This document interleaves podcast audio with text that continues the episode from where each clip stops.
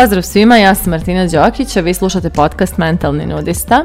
Nalazimo se u 108. epizodi i u ovoj epizodi govorit ću malo o identitetu koji je nosilac promjene. I kao što sam najavila, ova epizoda će biti provučena kroz primjer mog e, ogromnog rezultata na polju trčanja, gdje sam u roku od 8 dana od nekoga ko nikad nije trenirao trčanje i nije volio trčanje, stigla do toga da istrčim 21 km i 100 metara, odnosno punu dužinu polumaratona. maratona i e, to je rezultat koji je toliko fascinantan da moja trenerica koja se profesionalno bavila trčanjem ne može da vjeruje da se ovo desilo, ali gledala je svojim očima, počela je sa mnom da trenira početkom marta, vidjela je koliko sam slaba bila, znala je da, da mi je recimo drugi trening pozlilo na zagrijavanju, a onda je vidjela svojim očima kako ja odjednom, znači što se crčanja tiče, poslednjih osam dana počinjem da, mislim počela sam da trčim prošli ponedeljak, evo sada je utorak, sutra je srijeda, vi ćete slušati ovu epizodu. Inače ja sam od prošlog ponedeljka do danas, to je osam, sa, dana, znači uspjela da, da krenem sa trčanjem i stignem do toga da sam zvanično osoba koja istrči polumaraton. Um, taj rezultat je toliko fascinantan, mislim i meni je nevjerovatan, da se ljudi trenutno raspravljaju da li je to istina, da li ja lažem i tako dalje, ali ono, nemam razlog da lažem, to se zaista desilo. I evo ispričat ću šta se sve desilo, pa je došlo do tog proboja. Dakle, ja sam sebi ove godine obećala da ću da ostvarim sve svoje snove, jer prošle godine sam prošla kroz depresiju, suicidnost, to je nešto čim sam se ja borila kao mlađa i što sam mislila da je ostalo iza mene. Prošle godine se to vratilo trigerovano jednom ružnom situacijom. I kada sam izašla iz tog mraka, negdje sam sebi obećala da ću ja sebi biti najvažnija osoba i da će svi moji snovi za mene biti zakon i da ću ja sebi ostvariti sve snove i to je to. Znači, nema više odlaganja, nema više e, maštanja o nečemu na čemu ne radim, znam tačno šta želim, znam tačno šta su mi snovi. Deset godina sam posvetila svom ličnom razvoju, stvarala sam mnogo svojih ciljeva i spremna sam na one najveće i to je to, krenula sam u akciju. Prije dva mjeseca, evo sada, sam uzela sebi trenericu, da krenem da treniram, ono, težine, korektivne vježbe i tako dalje, jer sam znala da mi treba neko da me podrži, zato što sam neko ko je godinama trenirao svake godine dva mjeseca, onda odustajao jer nemam u sebi izgrađenu tu ulogu nekoga ko je ono zaljubljen u treninge i to radi lako.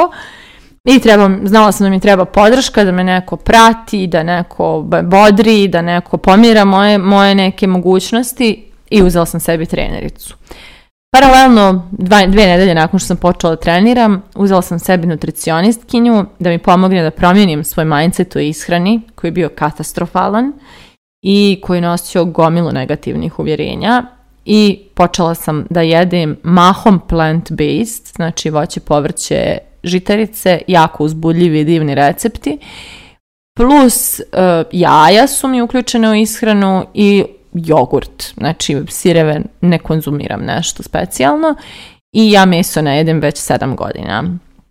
I tako je krenulo, ono, krenula je promjena. Međutim, nije bilo lako. Ja sam na svojim treninzima imala gomilu eh, otpora, svađa u svojoj glavi, borbi, E, mučenja, zamjeranja sebi. Znači, stalno sam bila u tim... Mislim, ja sam od onih likova što kad mi date da nešto uradim 20 puta u teretani, ja na 18. putu odustajem. Iako ja fizički mogu, ja psihički odustajem. I onda sam ja i sa trenericom prolazila te procese svojih tih nekih borbi, zamjerki sebi što ne napredujem dovoljno, što mi je ovo teško, što mi je ovo naporno i tako dalje. I desi se da meni dođu u posjetu drugarica koja odluči da ide sa mnom na treninge. To je moja drugarica Dijana, Dijana Kocić, koju možda znate sa Instagrama.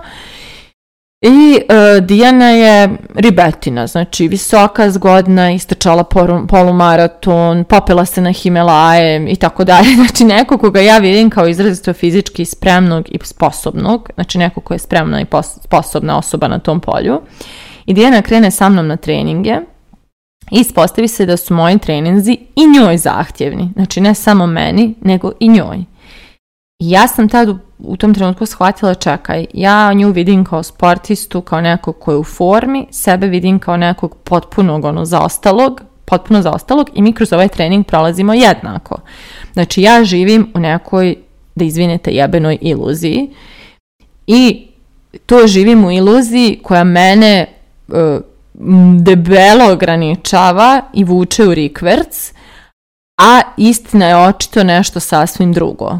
Jer osoba koju ja vidim kao fizički spremnu i ja prolazimo identično kroz trening, a ja samo sebe vidim kao zaostalu. I mene to krene da vozi u pravcu da se ja zapitam iz kog ja to identiteta treniram. E sad da objasnim malo ovaj dio identiteta. Mi u sebi imamo gomilu identiteta. Znači, ja sam čerka, ocu, čerka, majici, preduzetnica, NLP trener, sestra, drugarica, žena, djevojka. Znači, ja sam milion nekih, e, edukator sam. Znači, imam, imam stotine identiteta i e, svako od nas ima gomilu identiteta u sebi. I sad, postoji jedan alat koji mi koristimo na, na NLP-u, zove se NLN ili Neurologic neurologički nivoi, možete da izgooglate neurologic levels i vidjet ćete jednu piramidu koja objašnjava našu unutrašnju hijerarhiju. Na vrhu piramide nalazi se identitet, na dnu piramide nalazi se okruženje slash rezultat. Između toga ide ovako, znači imamo na vrhu identitet, ispod identiteta su vrijednosti i uvjerenja ispod njih su sposobnosti i strategije, ispod toga su ponašanja i na dnu su okruženje i rezultati. Drugim riječima, ako hoćemo da mijenjamo rezultat, moramo da idemo stepen iznad i da mijenjamo svoja ponašanja. Ako hoćemo da mijenjamo svoja ponašanja, moramo da izdajemo stepen iznad i da mijenjamo svoje sposobnosti i strategije. Ako hoćemo da mijenjamo svoje sposobnosti i strategije, moramo da idemo stepen iznad i da mijenjamo svoja uvjerenja. A ako hoćemo da mijenjamo svoja uvjerenja, moramo da idemo stepen iznad i da promijenimo identitet. Znači, svaki naš identitet ima tu hjerarhiju ispod sebe. Neki naši identiteti imaju uvjerenja da su fenomenalni, da su vrhunski u nečemu i to su naši samouvjereni identiteti. Neki naši identiteti su nesigurni, uplašeni, nesnađeni, oni imaju uvjerenja da su, na primjer, loši u nečemu. I sad uzmemo jedan identitet koji vjeruje da je loš u nečemu. Znači imamo identitet, na primjer, eh, osobe koja je proždrljivica, recimo ja imam eto kao identitet proždrljivice i imam uvjerenja da mi hrana pomaže da se osjećam emotivno bolje, da, moja, da hrana liči moju eh, usamljenost, da ovo, da ono. Ja ne mogu, znači da mijenjam ponašanja ako moju, moje uvjerenja nisu dobra Znači iz mojih takvih uvjerenja nastaju moje sposobnosti. Znači ako ja mislim da mi hrana pomaže u usamljenosti i da me liječi, da ja nemam kontrolu nad tim koliko ću da pojedem, moja sposobnost da organizujem svoju ishranu je već na lošem nivou, samim tim su moje ponašanja katastrofalna, a samim tim i moj rezultat. Ono što se dešava je da kod mnogo ljudi kod kojih, kojih pratite proces ličnog razvoja na Instagramu i tako dalje, ljudi koji snimaju pričaju o ovim temama, oni vam uglavnom pričaju o nivou ponašanja. Tri načina da uradite ovo, dva koraka do ovoga. Ali mi ne možemo mijenjati svoje ponašanje ako naša uvjerenja nisu dobra na tom polju. Znači kako da ja promijenim ishranu i krenem zdravo da se hranim, ako moje uvjerenja kažu da ja nemam kontrolu nad ishranom. Znači da ja ne mogu da, da kontrolišem svoju, svoju ishranu. Tako da moramo otići dublje. Znači, mnogo, ovaj, ovi neurologički nivoji su ono iznad popa ima pop. Znači, iznad ponašanja su sposobnosti. One su jače. Znači, naše sposobnosti su jače od naših ponašanja.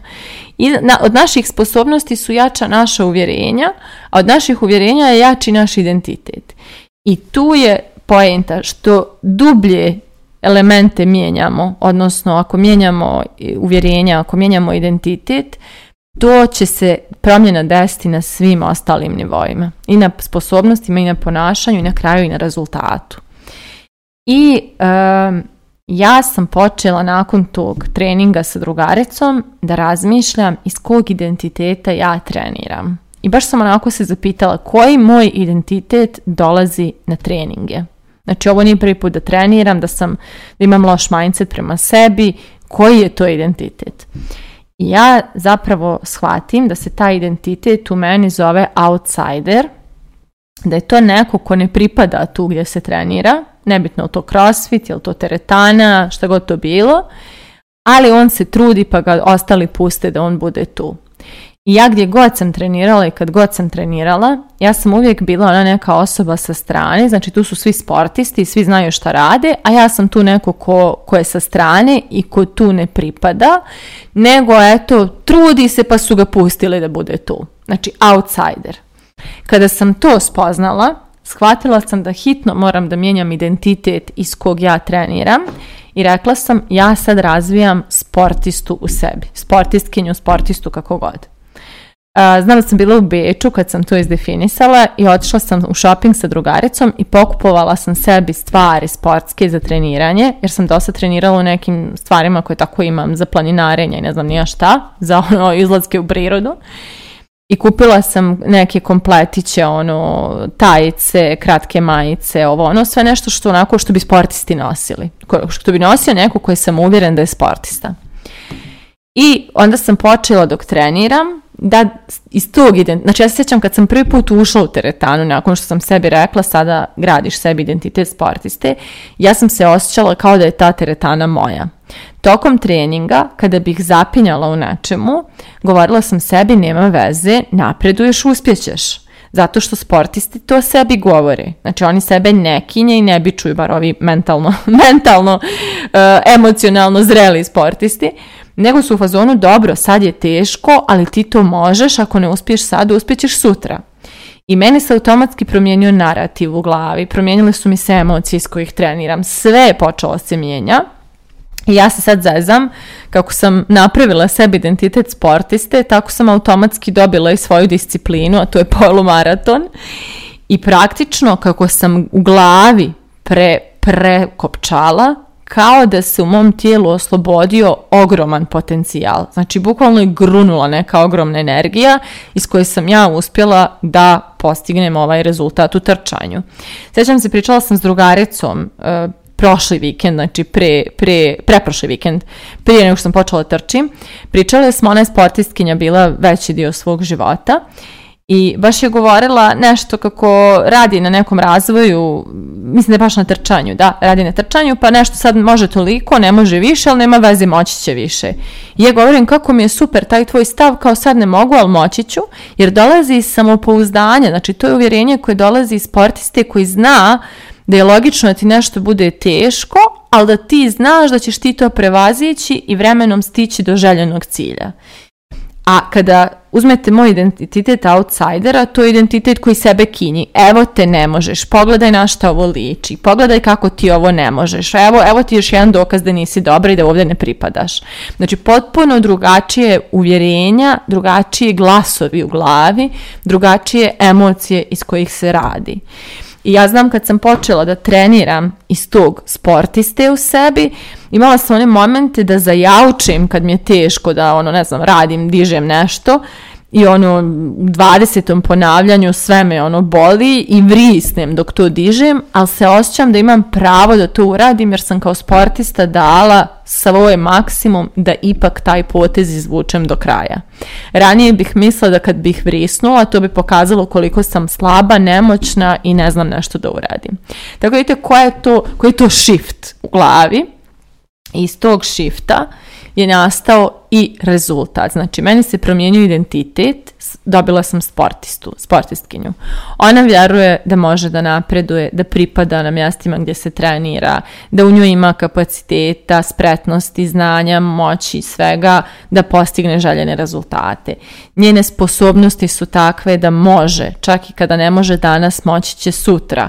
Njena ponašanja su takva da dolazi na trening redovno, da na treningu daje svoj maksimum, da i kad ne ide, ona u sebi zadržava podršku i njeni rezultati su takvi da je za 8 dana istrčala polumaraton.